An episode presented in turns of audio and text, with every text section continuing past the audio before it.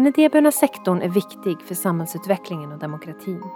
I denna podcast möter vi olika personer som kan ge dig nya perspektiv och kunskap om samhället. Hej och välkommen till dagens avsnitt med mig Rebecka Hagman, kommunikatör på Skyddsvärnet. Idag har vi med oss Anita Dalerus, senior handläggare från Kriminalvården. Det finns många olika former av utsluss som kan underlätta övergången mellan fängelsetiden och livet i frihet. Vilka klienter behöver utsluss och vilka former finns det och vad innebär de? Det och mer ska vi prata om idag. Hej Anita! Hej! Hur mår du idag? Jo tack, jag mår bra. Kul att du kunde komma hit. Hur brukar du presentera dig för någon som inte känner dig? Alltså det beror ju lite på sammanhang förstås. Eh, men i ett sånt här sammanhang så väljer jag nog att eh, presentera mig utifrån mitt arbetsliv. Jag är eh, auktoriserad socionom Eh, och eh, jag började mitt yrkesliv på ett behandlingskollektiv för, för unga 18 till 25 år. Och efter 5-6 år där så började jag som socialsekreterare ute i Kista och var med och startade upp en missbruks och psykiatrigrupp 95 så landade jag på frivården Fridhemsplan här i Stockholm och jag arbetade som handläggare eh, gentemot missbrukare. Då. Och inom kriminalvården händer det ju mycket hela tiden. Eh, så under den här tiden som jag var där så införde man intensivövervakning, alltså övervakning med elektronisk kontroll. Så då hoppade jag på det och därifrån till behandlingsprogram. Och det här var ju år 2000 ungefär. Mm. Eh, och då hade ju inte kriminalvården utvecklade behandlingsprogram utan allting var ju på, i, i, projekt och på utvecklingsstadiet. Och där hade jag väldigt tur. Jag jobbade med våld i nära relation och, och fick vara med och hämta hem IDAP och utveckla det inför eh, svenska förhållanden och mm. starta alla utbildningar som tillhör där. I samband med en omorganisation för, kan det vara sju år sedan kanske, så eh, jag på att byta efter 16 år med våld i nära relation. Eh, byta inriktning och eh, blev handläggare eh, för stödjande miljö. Senior handläggare för stödjande miljö. Och för att slutligen landa i området köpt vård och behandling, det vill säga så all den vård och behandling kriminalvården köper som är extern. Mm. Du har lång erfarenhet och har varit med och byggt upp mycket kan man säga. Ja, och nu idag då arbetar du som senior handläggare inom kriminalvården. Mm. Vad innebär det? Vad gör du i ditt dagliga arbete? Det är väldigt många och skiftande arbetsuppgifter. Eh, det är allt ifrån att jag har kontakt med våra leverantörer. De har frågor kring avtalet förstås, men de har ju också saker och ting att anmäla, kanske att de byter, byter föreståndare eller något sådant. Jag har kontakt med frivård och anstalt i, inom kriminalvården och det är samma sak där. De har avtalsfrågor men de har också många frågor angående själva verkställighetsformen, till exempel kontraktsvård när det gäller frivård, mycket vårdvistelse när det gäller anstalt. Jag har kontakt med klienter och anhöriga och där handlar det mycket om stöd det händer att klienter ringer och klagar för de har fått något negativt beslut av någon annanstans. Eh, och då handlar det om att vara stöd och hur kan man på bästa sätt liksom förklara det här en gång till hur det kunde bli så här illa. Och anhöriga, då var frågor om verkställigheten som deras anhöriga är, är under eller hur man kommer till ett halvvägshus och sådana saker. Sen är det givetvis den stora förberedelsen inför upphandlingar. Det ska ju tillverkas ett frågeunderlag och det ska liksom beredas i olika omgångar för att beslutas att det ska bli en upphandling. Och sen är, därpå så kommer all genomgång av alla anbud. Hur ser det ut? Och det gör jag, det, den delen görs ju i samarbete med inköpsenheten. Sen är det utbildning av nya kontaktpersoner som finns på frivårdsenheterna. Vi har ju en nationellt uppbyggd kvalitetskontroll som jag kommer till, som kommer till senare. Och det är en grundutbildning för dem Ehm, och det är forum för alla kontaktpersoner i hela landet där man dryftar olika lättheter och svårigheter med att följa upp ramavtal, inte så mycket liksom behandling och de, de delarna.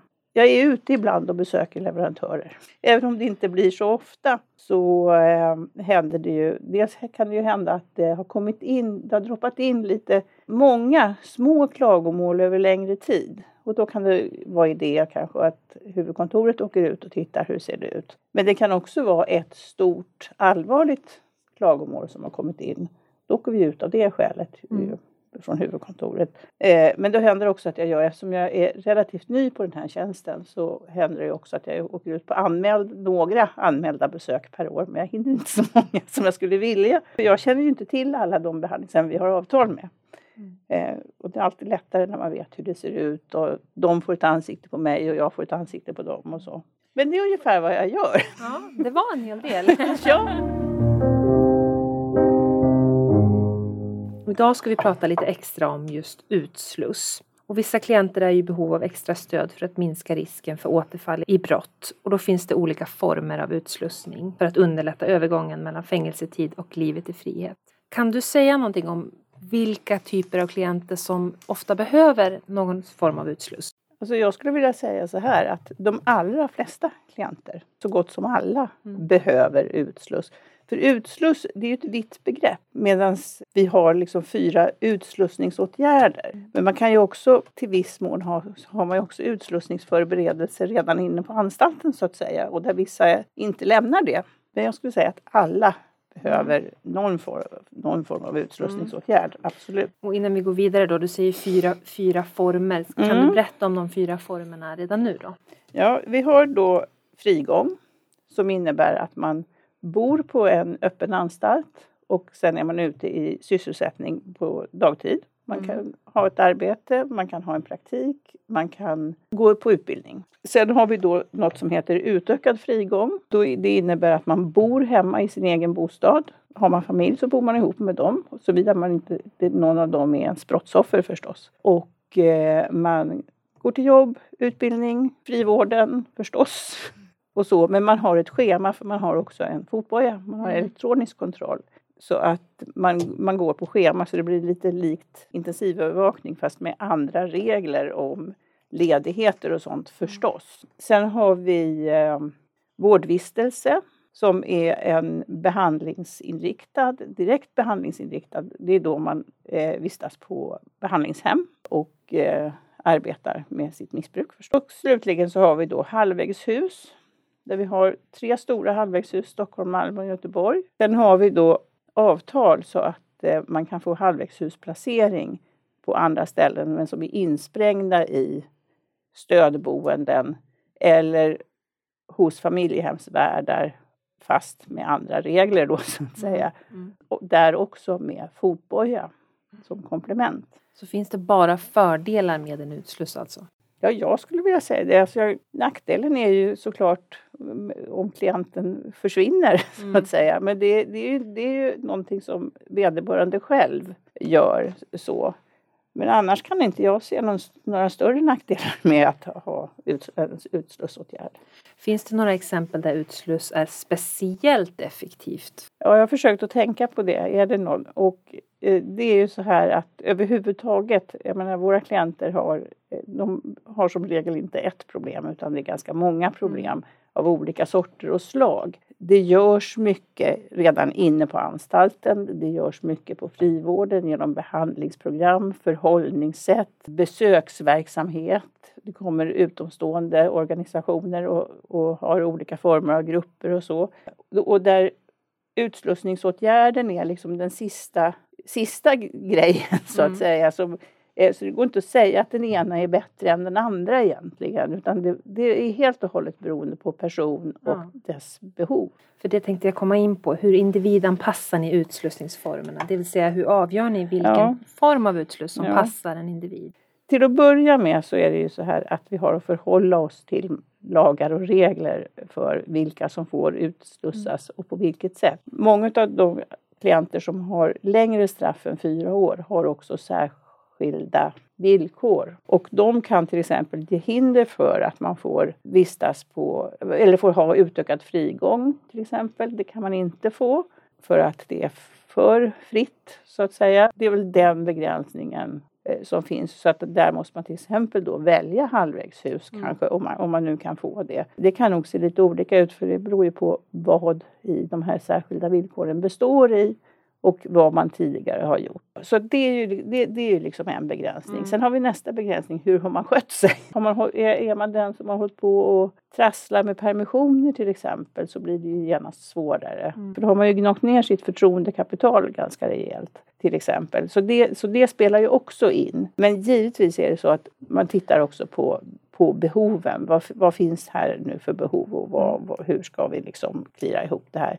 Ska det vara arbete, praktikplats, särskilt anordnad sysselsättning, skola? Ska det vara något behandlingsinslag under den här vistelsen? För även om man bor på halvvägshus så kan man till exempel gå i en öppenvårdsbehandling. Det kan ju vara en eh, boosterbehandling för att man inte ska återfalla till droger till mm. exempel. Men det kan också vara andra psykologsamtal för trauma eller vad som helst.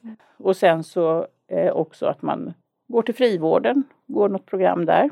Kan man se i någon slags statistik vilken utsluss som har visat sig vara mest effektiv och hjälpsam för återanpassningen till samhället? Så alltså kan man se att klienter som kommer från ett stödboende tar nästa steg eller om man nu mm. har en annan mm. form. Förstår du mm. vad jag mm. menar? Ja, jag förstår vad du menar. Vi har inga uppgifter på det så, utan det man kan se är ju att Eh, till exempel, vi har färre avvikelser och avbrott för de som bor på halvvägshus än från de som är på vårdvistelse till exempel. Där är avbrotten fler. Och då undrar man ju vad beror det sig av att det är på det sättet? En del är väl att kanske att de som är på vårdvistelse fort har alltså mer multiproblematik med det här med färskt med droger som kanske gör det svårare när det, när det tar emot. Medan många som bor på halvvägshus de har ett längre fängelsestraff bakom sig och kanske då också vet mer vad de vill. Mm.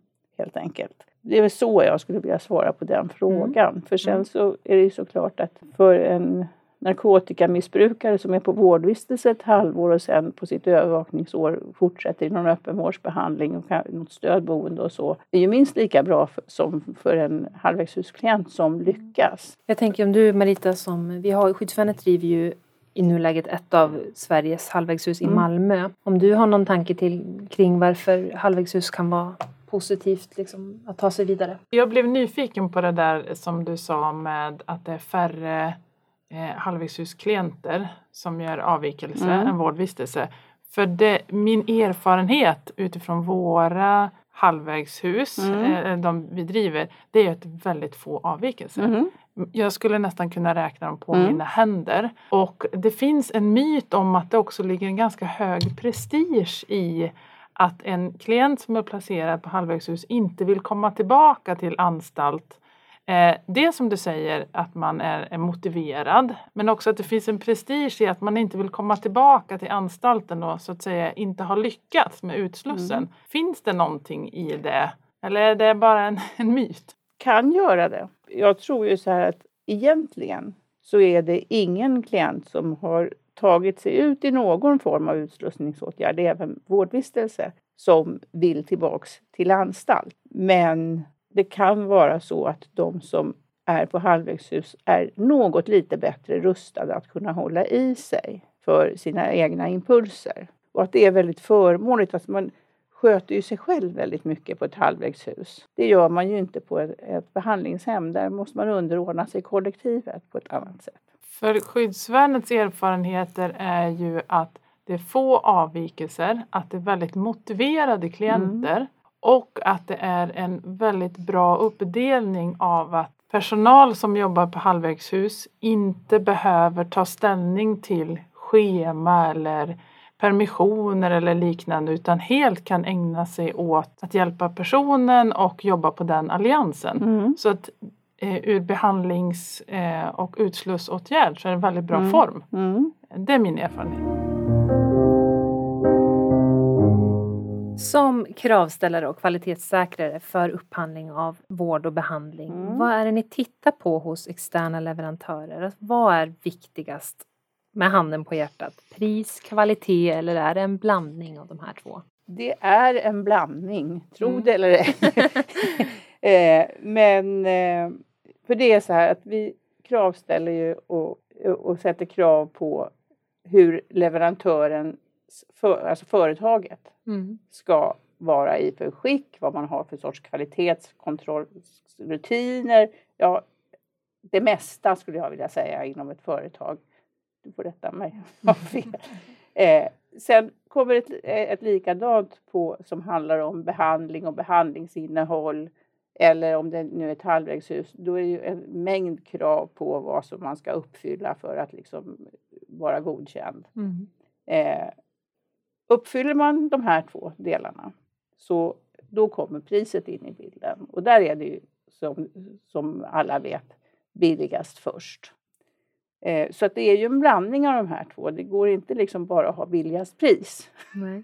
Och det går inte att ha jättehög kvalitet och ett skyhögt pris. Mm. Utan det måste vara, liksom, de här samspelar ju med varandra. Mm. Här är ni mycket mer insatta än vad jag är men när jag, när jag tänker kvalitet så är det också så brett. Vad Mm. är kvalitet och hur mäter man och tittar det? Ingår en non-profit-stämpel i kvaliteten till exempel?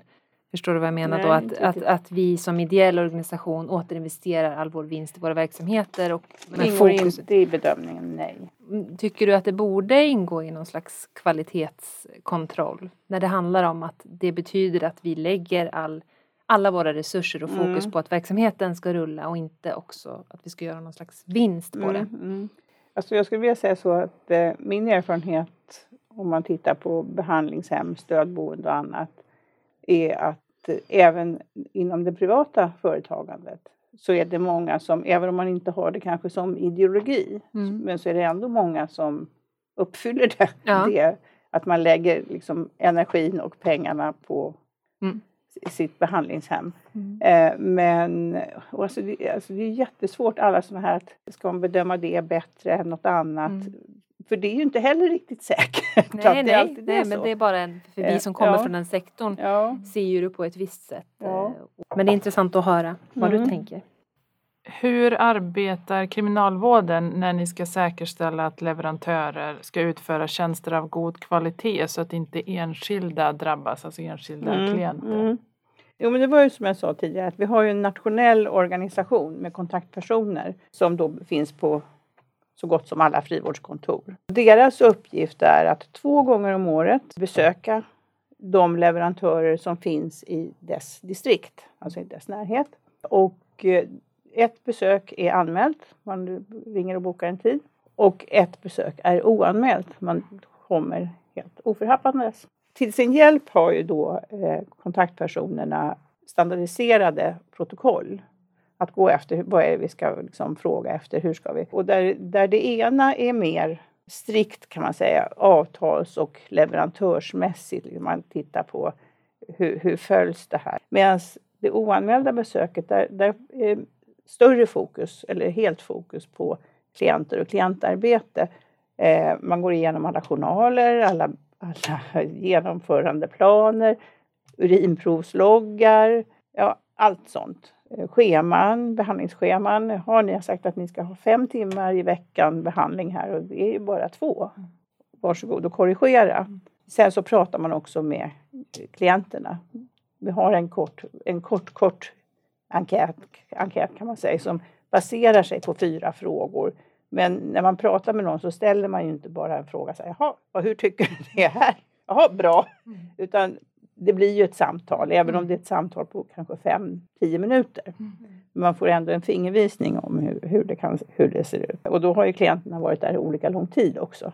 Och sen så är det ju det här, den här grundutbildningen för kontaktpersoner. Vad innebär det? Hur gör man? Vad är det liksom för svårigheter? Vad är det för lättheter? Vad är det för skillnad på det ena avtalet med det andra? För en del leverantörer har flera avtal med oss. De kan ha upp till tre avtal, fyra avtal. Och de har ju sina olikheter. Vi på huvudkontoret gör egna besök. När vi får, får in information som det här verkar inte vara rätt och riktigt eller bra så att säga. Då tar vi ofta kontakt med den leverantör det gäller och pratar med dem. Ibland per telefon, ibland så anser vi att nej, vi måste åka ut och titta på det här ordentligt. Och sen så har vi också, eh, man skickar in kundnöjdhetsindex. Det säger ju något, även om det inte säger allt. Och det är inte liksom en kvalitetsstämpel så, för det är kundnöjdhetsindex, även om de kallar det för kvalitetssäkring. Så. Sen är ju kriminalvården en av de få uppdragsgivare som kravställer att man ska gå, att all personal ska gå den utbildningen som ni erbjuder Mm. inom, inom, kriminal, inom Mm. myndigheten Mm, också. mm, Det är väldigt eh, ovanligt mm. från uppdragsgivarhåll, Mm, vilket jo. jag tycker är, är bra. Det är ett sätt att säkerställa. Ja, det är det ju också.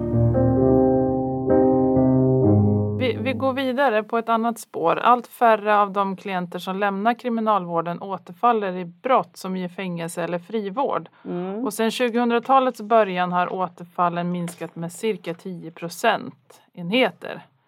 Vilken påverkan tror du att arbetet med rätt form av utsluss har att göra med den positiva förändringen? Eh, Jag tror att utslussningsåtgärderna är en del i helheten och att det är många saker som har påverkat vad, vad som har hänt under hela verkställigheten. Det är ju så att när klienterna kommer till kriminalvården, om det är frivården eller om det är anstalt, så upprättar man ju en verkställighetsplan som är, som är, är grundad på eh, risk och behovsbedömning. Vi har ju ett eget risk och behovsbedömningsinstrument, där är BMV. Där, där är det ju då, om man, om man tittar på anstalt, det är programverksamhet, det är arbete, det är andra former av grupper som inte är behandling i och för sig, men som ändå är, är bra att ha med sig. Det är också ett, eh, vi håller på att arbeta in ett gemensamt hjälpsamt förhållningssätt på anstalterna så att man liksom har en stödjande till förändring.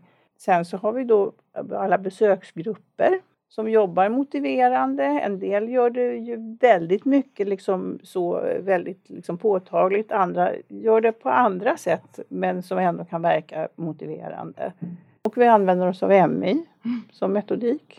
2000-talet en bra bit fram har ju varit en utvecklingsresa när det gäller behandlingsprogrammen. Jag menar de första programledarna går ju inte att jämföra med de som vi har idag. Så är det ju, men det tar ju ett tag innan man liksom kommer dit. Ja, och uppenbarligen så har det varit en, en positiv utveckling i den resan. Mm. Förhoppningsvis. Mm.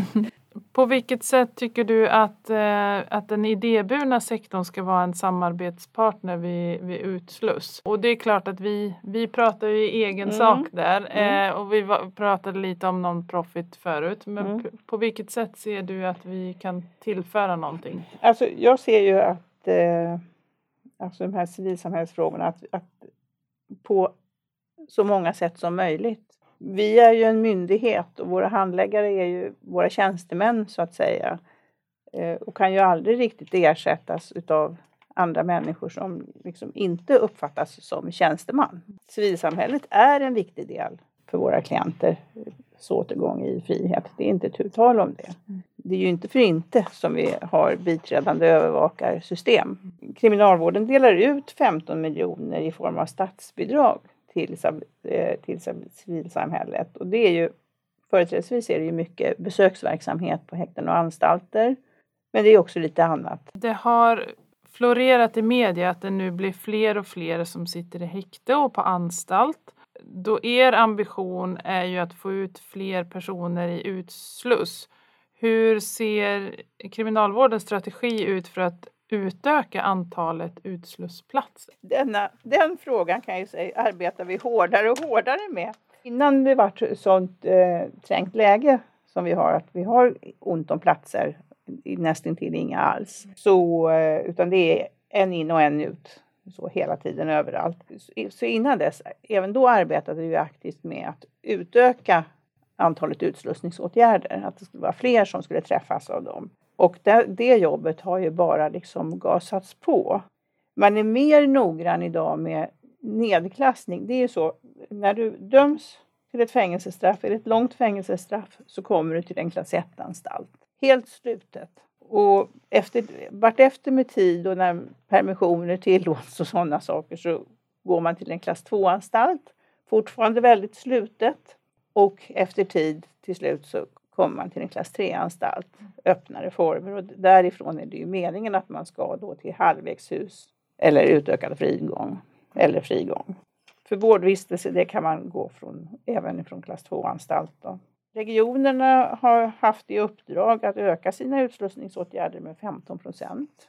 Och under pandemin så har vi också haft en del särskilda uppdrag. Dels ett särskilt uppdrag som direkt har riktat sig till en, våran sårbaraste grupp klienter då, eh, som eh, tillhör alltså riskgrupper då, för att få bort dem från anstalter. För det, det, det är ju så, kommer smitta in, vilket nu inte har hänt så, så, i, så stor, i så stor... Det har ju kommit in smitta men inte varit så stora mängder. I Kalmar tror jag, där hade vi riktigt ordentligt. Så att det är ju angeläget. Plus att eftersom man måste hålla dem bort, så mycket borta från andra klienter så är det också en, resurs, det en resurskrävande grupp. Mm. Så det har vi jobbat hårt med och också med att hela tiden liksom få ut fler. Och där har man ju samtidigt arbetat givetvis med motivation gentemot klienter och, och så. Att, eh, och man har inte heller kunnat eh, bita sig fast i till exempel att bli kvar på en klass 2-anstalt på samma sätt som man har kunnat. Tidigare har man kunnat få stanna lite längre än vad man kanske borde. Tack för det. Eh, vi ska snart börja avrunda men några frågor till dig först. Vad känner du är de största utmaningarna i ditt arbete? Att sörja för att kvaliteten på behandlingshemmen eller på, hos alla våra leverantörer är så, hög, alltså är så bra som möjligt. Mm. Eh, att det inte bara är ord i en kravställan utan att det också är verkstad så att säga. Det är väl absolut den största utmaningen att det upprätthålls. Mm. För det är svårt. Det är svårt att veta i varje sekund hur det ser ut. Vad är det som främst engagerar dig då i ditt arbete? Vad är det som driver dig? Det är klienterna. Det är klienterna. Alltså, jag har ju för, förmånen, jag har ju jobbat en hel del eh, praktiskt och klientnära då. Mm. Och att nu få möjligheten att använda samlade kunskaper och möjlighet att också då till viss på, påverkan till det som händer och sker. Och att göra det till förmån för de kommande klienterna. Mm. Det, det, det, är väl det som driver mig i det här mm. jobbet. Mm. Men du, då är vi på den sista frågan och det är en fråga som vi ställer till alla som deltar i den här podden. Kan du dela med dig av någonting som du tror att många inte vet om dig? Om mig? Ja.